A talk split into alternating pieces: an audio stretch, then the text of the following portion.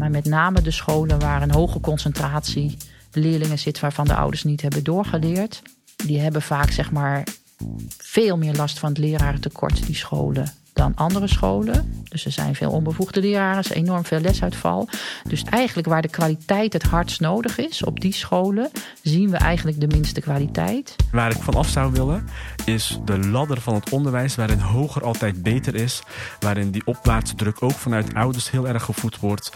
En dat is misschien ook wel de reden dat wij nu heel veel aandacht hebben voor die kansenongelijkheid omdat die maatschappelijke ongelijkheid onder het vergrootglas ligt. En dan gaat onderwijs steeds belangrijker worden.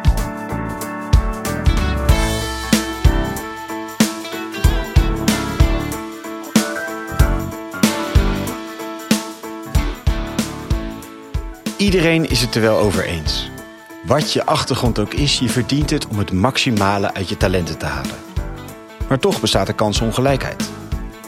Welke invloed heeft het gezin waarin je geboren wordt, de school waar je heen gaat, de wijk waarin je opgroeit?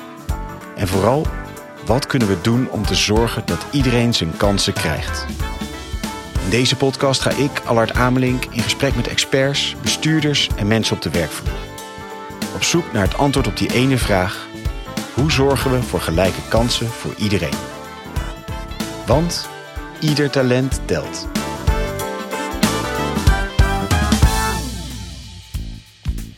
Ik woon tijdelijk even in een ander appartement met mijn vrouw en twee kinderen. Ons appartement moest namelijk verbouwd worden. En we hadden geluk, we konden namelijk aan de overkant van de straat wonen. Dus we hoeven niet heel ver te verhuizen. En daarom kijk ik uit op een grote spandoek dat het bouwbedrijf dat onze verbouwing doet, heeft opgehangen. Er staat een mooie tekst op. Niet ieder kind wordt later arts of advocaat. Leer je kinderen dat het oké is om met je handen te werken en toffe dingen te bouwen. Ja, een prachtige tekst. En ja, ik zou ook zeggen heel fijn vanuit het perspectief van de hele samenleving. Want onze verbouwing stond al veel eerder gepland, maar moest telkens worden uitgesteld. Omdat er te weinig bouwlieden zijn om zo'n verbouwing te doen. Het is gewoon echt een zwaar tekort aan handige handen in de bouw. Tegelijkertijd is het spandoek ook wel weer veelzeggend. He, leer je kinderen dat het oké is om met je handen te werken. Eigenlijk zegt het doek dus daarmee ook dat het momenteel niet echt oké is dat je kind niet arts of advocaat wordt. Kortom, er is wat nodig dat we daar op een andere manier naar gaan kijken. In deze vijfde en laatste aflevering van Ieder Talent Telt kijken we kritisch naar onze samenleving. In welke context vindt die hele vraag van kansengelijkheid in het onderwijs plaats? Daarnaast kijken we ook naar het onderwijsstelsel. Biedt de huidige inrichting van het onderwijs wel een antwoord op de vragen die er zijn? We keren allereerst terug bij Ahmed Marcouch, burgemeester van Arnhem. We hoorden hem ook al in die eerste aflevering. Ik vraag hem hoe hij kijkt naar hoe het met onze samenleving gaat. Je ziet natuurlijk dat het was een samenleving zijn waarin eigenlijk parallele samenlevingen hebben. Dus we hebben mensen die in hun eigen kokon, in hun eigen koker eh, leven, in hun eigen bubbel. En eigenlijk uh, met de beste bedoelingen ook gewoon geen idee hebben uh, dat ze in een bubbel uh, zitten. Hij schetst de twee uitersten van deze tweedeling. Je ziet ja, een groot deel van Nederland die het hartstikke goed heeft en eigenlijk volop geniet van het leven. Er zit een groot deel van de samenleving die echt het vertrouwen in de samenleving kwijt is. Die, die weliswaar horen, het gaat goed met, met, met de economie. maar dat al jaren dat dat geroepen wordt, dat ze daar niets van merken in hun eigen werkelijkheid. Ja, deze kloof, deze tweedeling zie je natuurlijk bijvoorbeeld ook in het programma Sander en de Kloof veel naar voren komen. Het, het beeld dat er in Nederland een toenemende tweedeling is tussen enerzijds hoogopgeleide mensen met veel geld, een groot vermogen, een koopwoning, met, zo lijkt het, oneindige mogelijkheden. En aan de andere kant minder welvarende mensen met ook vaak een minder hoge opleiding, die het op een hoop terreinen van het leven juist een stuk moeilijker hebben. En Ahmed Marcouch ziet ook hoe deze tweedeling geografisch zijn weerslag vindt. Dat, dat zie je ook in Arnhem, hè, dat uh, die sociale achterstanden en, en problemen uh, vaak geconcentreerd zijn in een, in een wijk of in een gebied. Bij ons is dat in Arnhem-Oost.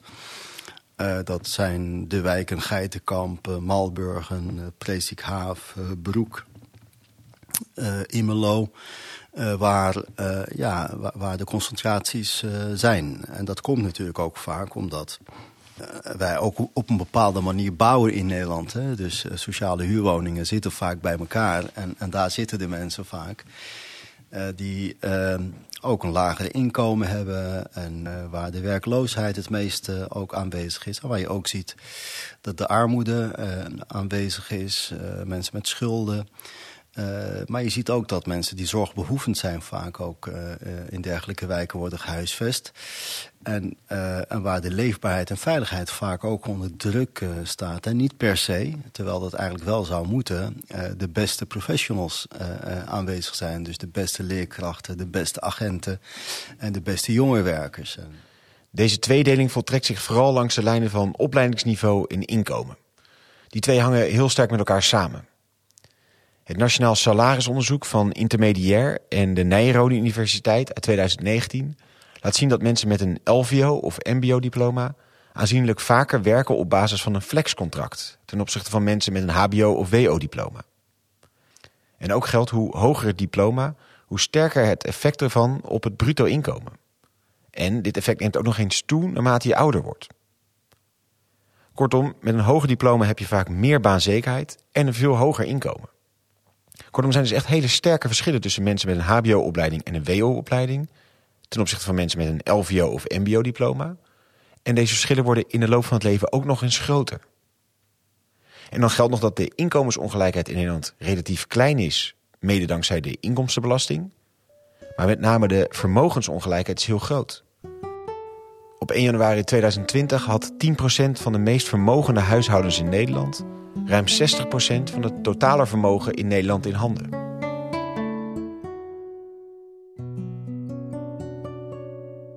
Deze ongelijkheid heeft zichtbare economische effecten. We hoorden net ook ruimtelijke effecten, waar we mensen wonen.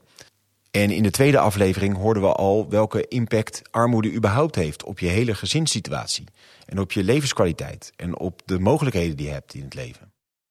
En daarnaast heeft het ook mentale gevolgen. Het gaat ook ten koste van het vertrouwen dat mensen hebben in de samenleving. Ahmed Marcouch ziet dat ook terug bij veel Arnhemmers in een kwetsbare situatie. Uh, die zijn eigenlijk alle vertrouwen en alle hoop dat na, na het leger de zon schijnt. Ja, dat vertrouwen en dat geloof zijn ze vaak kwijt. En, en dat, dat leidt tot verbittering, dat leidt tot, tot uh, isolement, uh, dat leidt tot boosheid. Uh, en dat is, dat is nog een hele opgave, want dat is eigenlijk de grootste opgave... is van hoe we dat vertrouwen weer herstellen.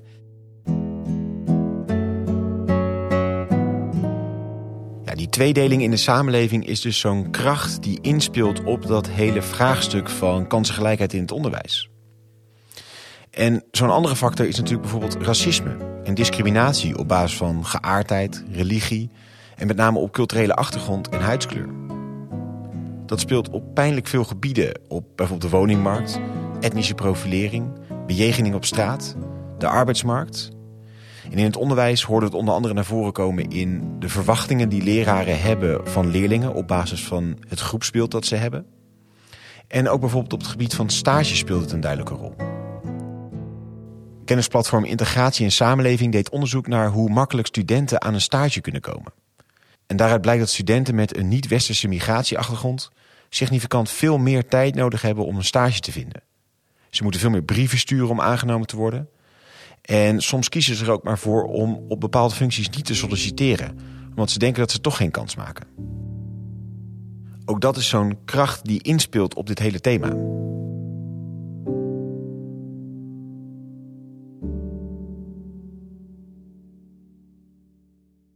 De uitdrukking is al vaker gevallen: education cannot compensate for society. Het onderwijs kan niet al deze vraagstukken zomaar oplossen. Maar zoals we momenteel de boel hebben ingericht, versterken we eigenlijk de effecten die er sowieso in de samenleving al zijn. Allereerst al omdat we dus zien dat verschillende groepen in de Nederlandse samenleving elkaar eigenlijk nauwelijks meer tegenkomen. Ze wonen zelfs in verschillende wijken. En het onderwijs biedt daar ook niet het antwoord op. Sterker nog, dat versterkt dat effect van segregatie in de samenleving.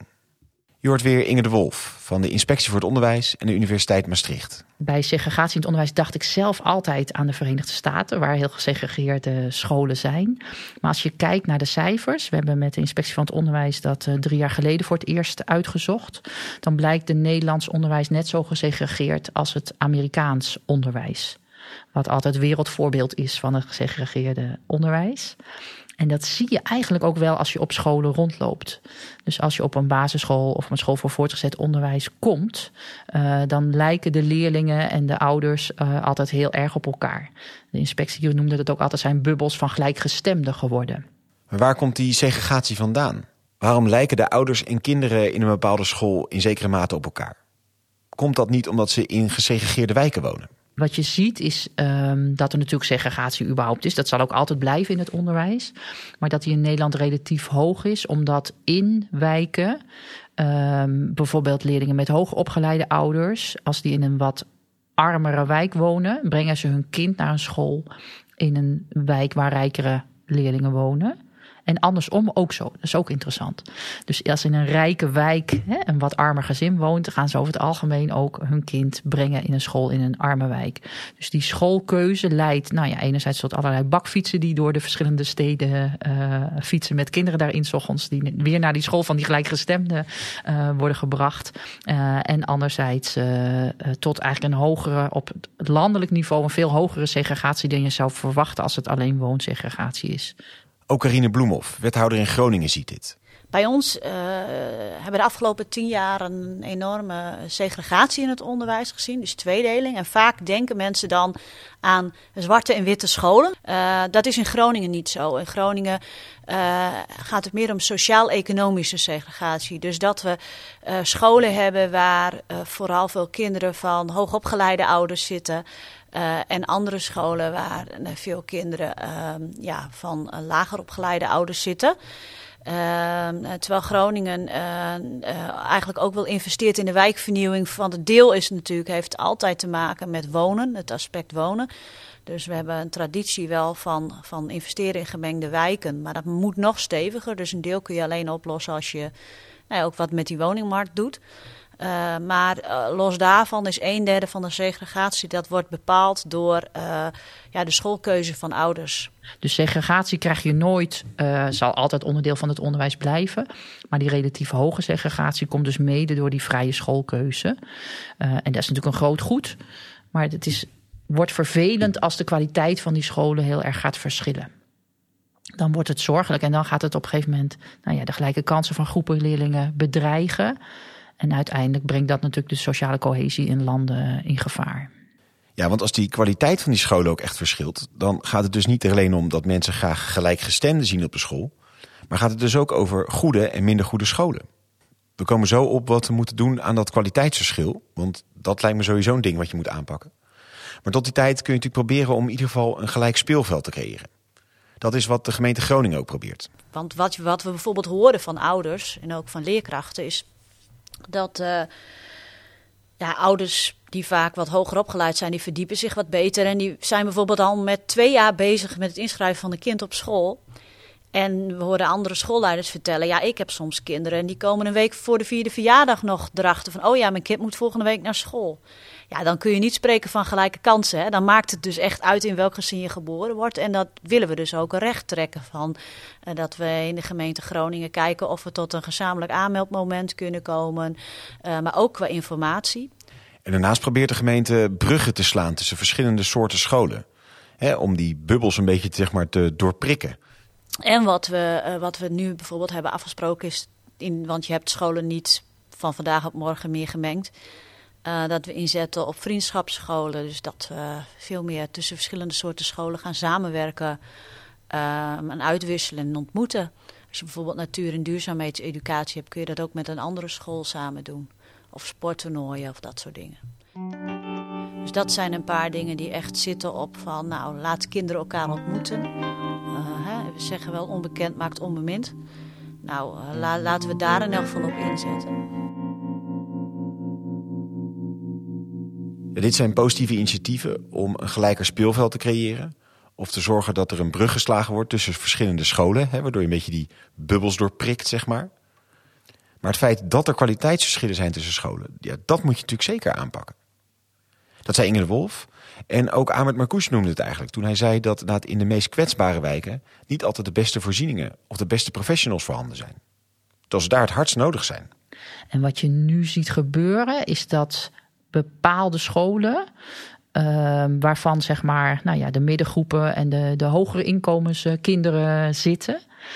Uh, dat daar nog prima schoolgaan is. Maar met name de scholen waar een hoge concentratie leerlingen zit waarvan de ouders niet hebben doorgeleerd, dat daar het onderwijs eigenlijk steeds slechter wordt.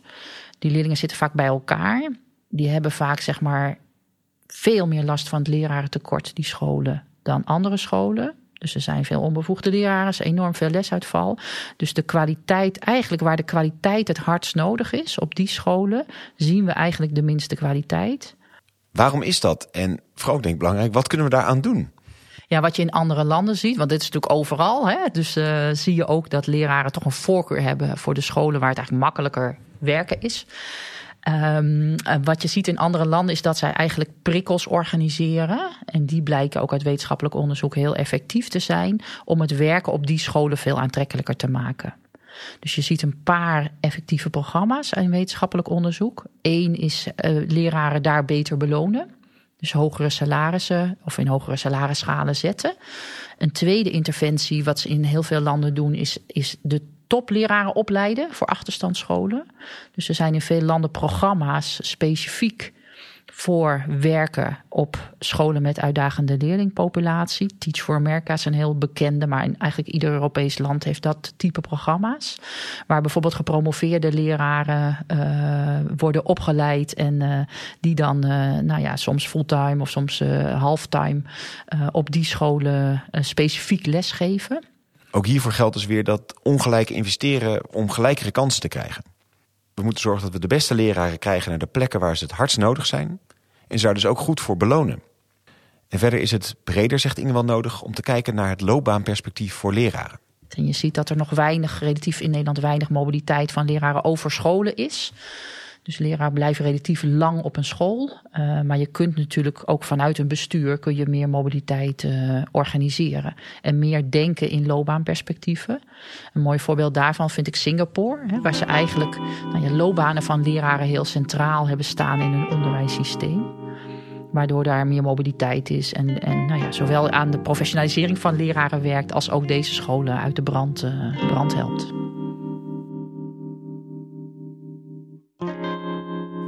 We kijken naar de krachten in de samenleving die inwerken op dat thema van kansengelijkheid. We hebben het uitgebreid gehad over die tweedeling in de samenleving tussen rijk en arm, hoogopgeleid en laagopgeleid. En we zien hoe het onderwijsstelsel deze krachten niet tegengaat, maar op sommige punten juist verder versterkt. Dat geldt voor de segregatie in het onderwijs. En een ander belangrijk element is die welbekende knip tussen het basisonderwijs en het voortgezet onderwijs. Ja, kansongelijkheid wordt ook mede veroorzaakt doordat nou ja, bijna hokjes denken in het Nederlands onderwijsstelsel.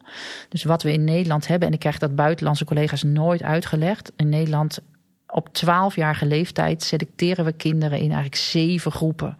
dus je kan naar praktijkonderwijs, VMBO basis, VMBO kader, VMBO GT, HAVO. Dan heb je nog ateneum, dan heb je ook nog gymnasium. Uh. En als je kijkt dan naar leerprestaties bijvoorbeeld van leerlingen, zit er helemaal niet zoveel verschil tussen al die groepen. Dus wij denken dat we ze in zeven groepen kunnen indelen. Maar er zit een enorme overlap, zeg maar, in uh, nou ja, wat wij dan denken, dat is de typische HAVO-leerling of de typische MAVO-leerling. Die verschillen cognitief helemaal niet zoveel van elkaar. We selecteren dus heel gedetailleerd en heel vroeg. En de verschillen tussen die niveaus zijn dus niet heel erg duidelijk. Maar de impact van dat onderscheid maken is wel heel groot. Eddie Denissen vertelt over een onderzoek van de UNESCO uit 2018. Dat onderzoek laat zien dat in Nederland de verschillen tussen leerlingen op de basisschool vrij klein zijn.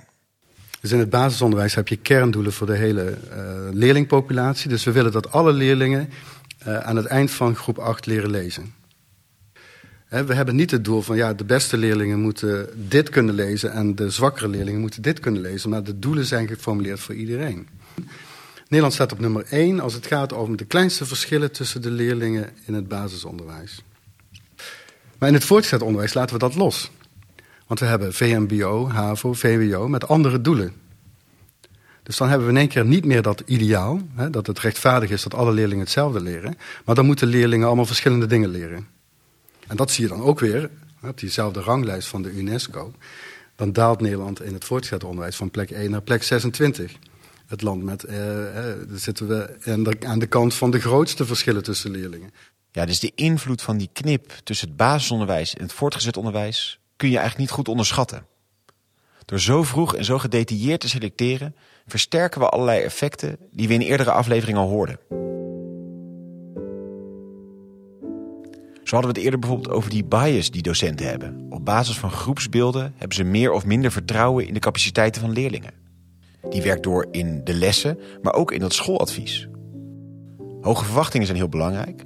En leg je dus voor een leerling in een veel te vroeg stadium de lat heel laag, dan heeft dat een lange impact.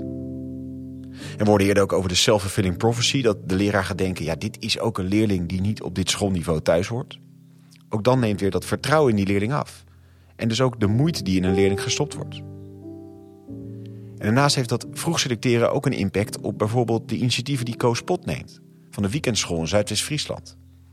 Ze proberen natuurlijk hele positieve prikkels te bieden aan jongeren. Hun horizon te verbreden, zich verder te laten ontwikkelen. Maar daar moet je dus wel heel vroeg bij zijn, wil je die knip tussen basisonderwijs en voortgezet onderwijs halen.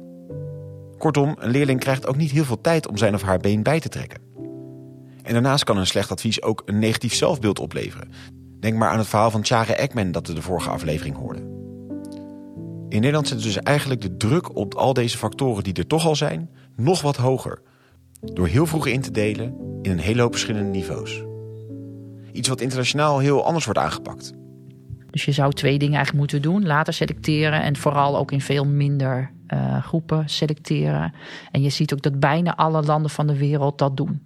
dus die selecteren pas op 15-jarige leeftijd. En die hebben echt geen zeven groepen waar ze dat, uh, dat indelen. Maar waarom maken we überhaupt eigenlijk onderscheid naar die verschillende niveaus? We hoorden net Eddie Denissen vertellen over dat UNESCO-onderzoek... waaruit blijkt dat Nederland qua gelijkheid op plek 1 staat... als het gaat over de basisschool. Waarom houden we dat eigenlijk niet vast?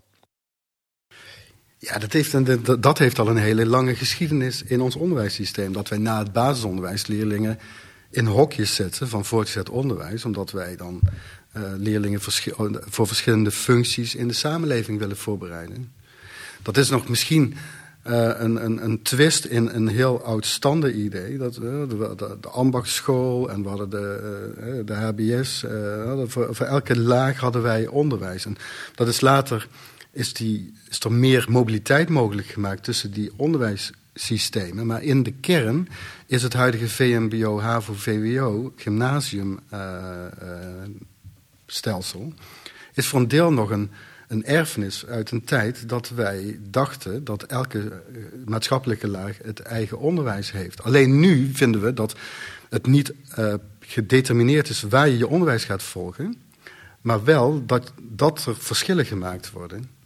Dus wij willen eigenlijk een eerlijke verdeling van de posities in die, in die, in die onderwijsniveaus. Maar die onderwijsniveaus zelf, dat is dan niet het probleem. Nee, dus dat we onderscheid maken in verschillende niveaus, dat vinden we niet erg. Zolang iedereen maar ongeveer dezelfde mogelijkheden heeft om op die verschillende niveaus terecht te komen. En dus kijken we naar hoe we zo'n open mogelijk speelveld kunnen creëren, waarin iedereen kan proberen zo hoog mogelijk te komen. Maar dat levert natuurlijk een enorme opwaartse druk op. Ouders willen graag dat hun kind zo ver mogelijk komt in het onderwijs. Want dat heeft hele positieve effecten op de rest van je leven. Op je inkomen, op waar je kan wonen, op je gezondheid. En dat zie je nu ook met die gelijke kansen. Dat iedereen de neiging heeft om iedereen zo hoog mogelijk in te zetten. Dat alle leerlingen een VWO-diploma halen. Nou, dat, dan gaat de samenleving geheid totaal in de soep lopen. Want daar hebben we helemaal geen behoefte aan. Aan alleen maar, alleen maar kinderen die naar het VWO gaan. En je ziet nu dat die druk op prestaties zo groot wordt dat het VMBO eh, in aantallen achteruit loopt. En dat je echt een uh, probleem krijgt met uh, een goede verdeling van de, de, de beroepsbevolking.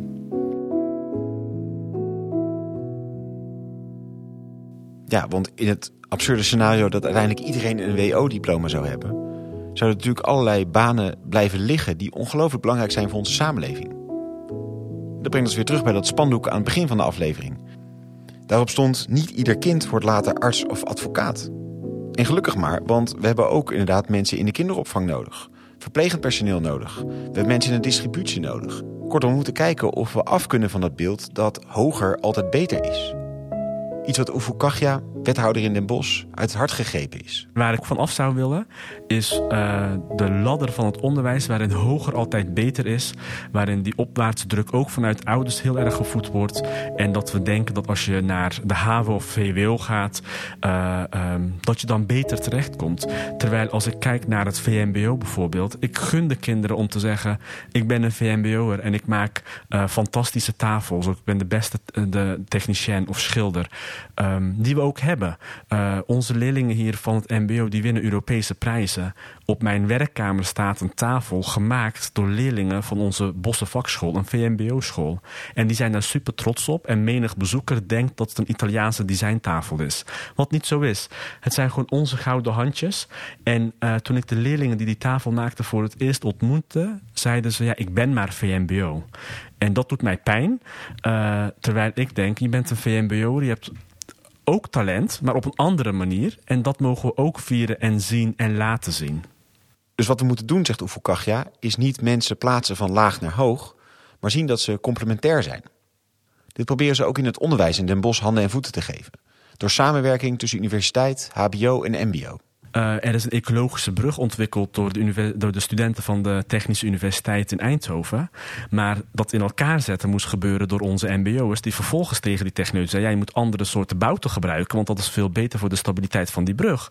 En zo leer je dan ook van elkaar van aan de ene kant uh, de hoogwaardige theoretische kennis van zo'n universiteit, versus gewoon de, de, de uh, slimheid die een ambacht met zich meebrengt. Dus als je talent niet meer in een hiërarchie plaatst, maar ziet als aanvullend op elkaar, dan kan je ook veel aan elkaar hebben. In dit kader wordt er ook wel eens voor gepleit om de termen hoog en laag opgeleid af te schaffen.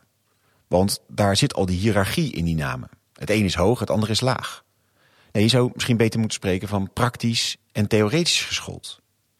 Ook in de Tweede Kamer is hier een motie over ingediend door Lisa Westerveld en Peter Quint. Ik vraag Eddie Denissen wat hij van die gedachte vindt. Die afschaffen van die termen uh, laag en hoog opgeleid heeft geen enkele zin als je niet uh, de, de, waarde van het diploma anders uh, inricht. Want een, uh, een VWO-diploma is een hoog diploma, omdat je daarmee meer geld kunt verdienen en meer welzijn mee kunt genereren dan een VMBO-diploma. En als je dan zegt praktisch-theoretisch, ja, dat zijn andere woorden voor laag en hoog. Dus ik vind het idee heel, heel mooi dat we willen nadenken over een onderwijssysteem dat niet mensen opleidt in termen van laag en hoog. Maar dan moet je wel doorpakken. Dan moet je ook nadenken over hoe dat systeem er dan uitziet. En dat is dan niet een systeem dat geordend is naar niveau, maar misschien wel veel meer naar interesse en motivatie. Dus ik zou tegen die motie stemmen, meteen. Zet die er maar in. Kansengelijkheid in het onderwijs en hoe onze samenleving is ingericht zijn dus onlosmakelijk met elkaar verbonden. Het een werkt door in het ander. En omdat in onze samenleving een hoog diploma zo belangrijk is, is dat ook heel erg de focus binnen het onderwijs en de focus van bijvoorbeeld ouders. Ja, dus juist omdat er maatschappelijke ongelijkheid is, hebben we ook dat probleem van kansenongelijkheid in het onderwijs. En dat is misschien ook wel de reden dat wij nu heel veel aandacht hebben voor die kansenongelijkheid. Omdat die maatschappelijke ongelijkheid uh, onder het vergrootglas uh, ligt. Uh, vermogensongelijkheid, inkomensongelijkheid. En dan gaat onderwijs steeds belangrijker worden. En dan zie je ook dat ouders al hun kapitaal gaan mobiliseren om hun kinderen zo goed mogelijk door het onderwijssysteem te loodsen. Want zij weten hoe belangrijk dat diploma is voor een mooie toekomst.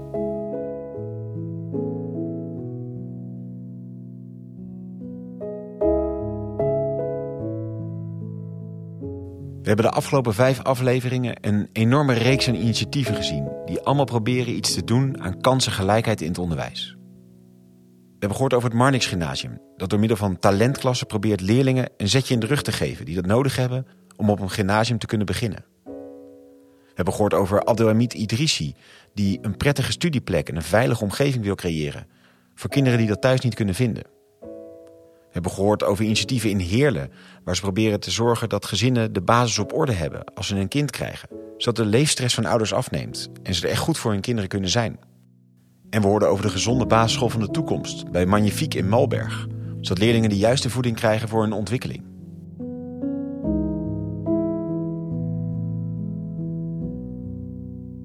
Aan het begin van elke aflevering zeg ik kansengelijkheid. Er is niemand die er niet voor is. En gelukkig maar, want door de grote ongelijkheid die in onze samenleving is, is het extra belangrijk dat het onderwijs daar iets aan kan doen.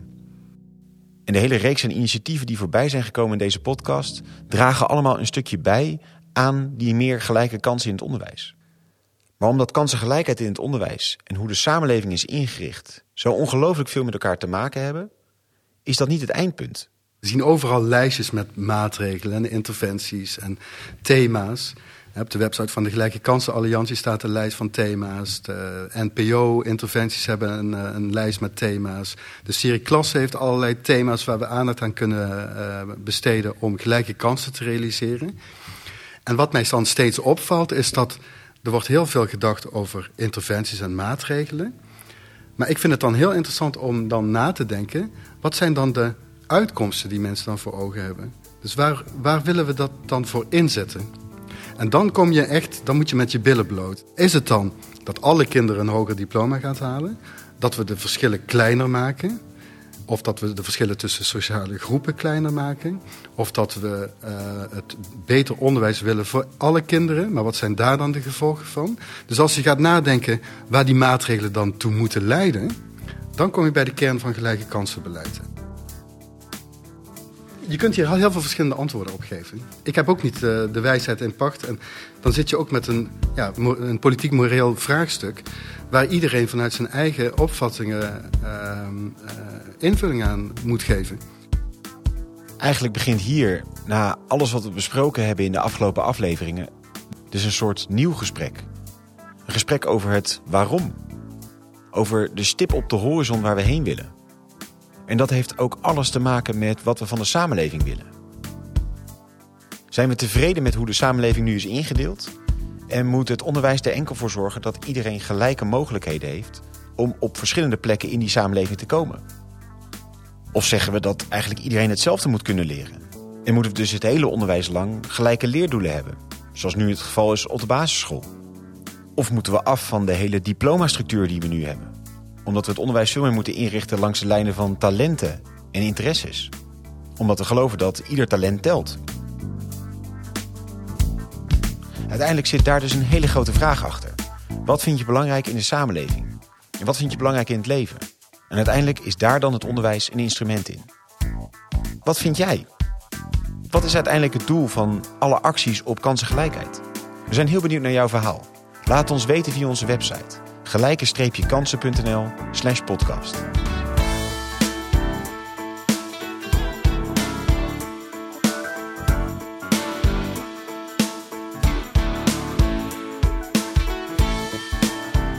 Deze podcast is een productie van mij, Allard Amelink, in samenwerking met de Gelijke Kansen Alliantie. De muziek is van Victor Weigand. Dank aan alle sprekers en dank aan Marlou, Moneim en Patty van de GKA, die deze productie mede hebben mogelijk gemaakt. Slot, bovenal jij, heel veel dank voor het luisteren.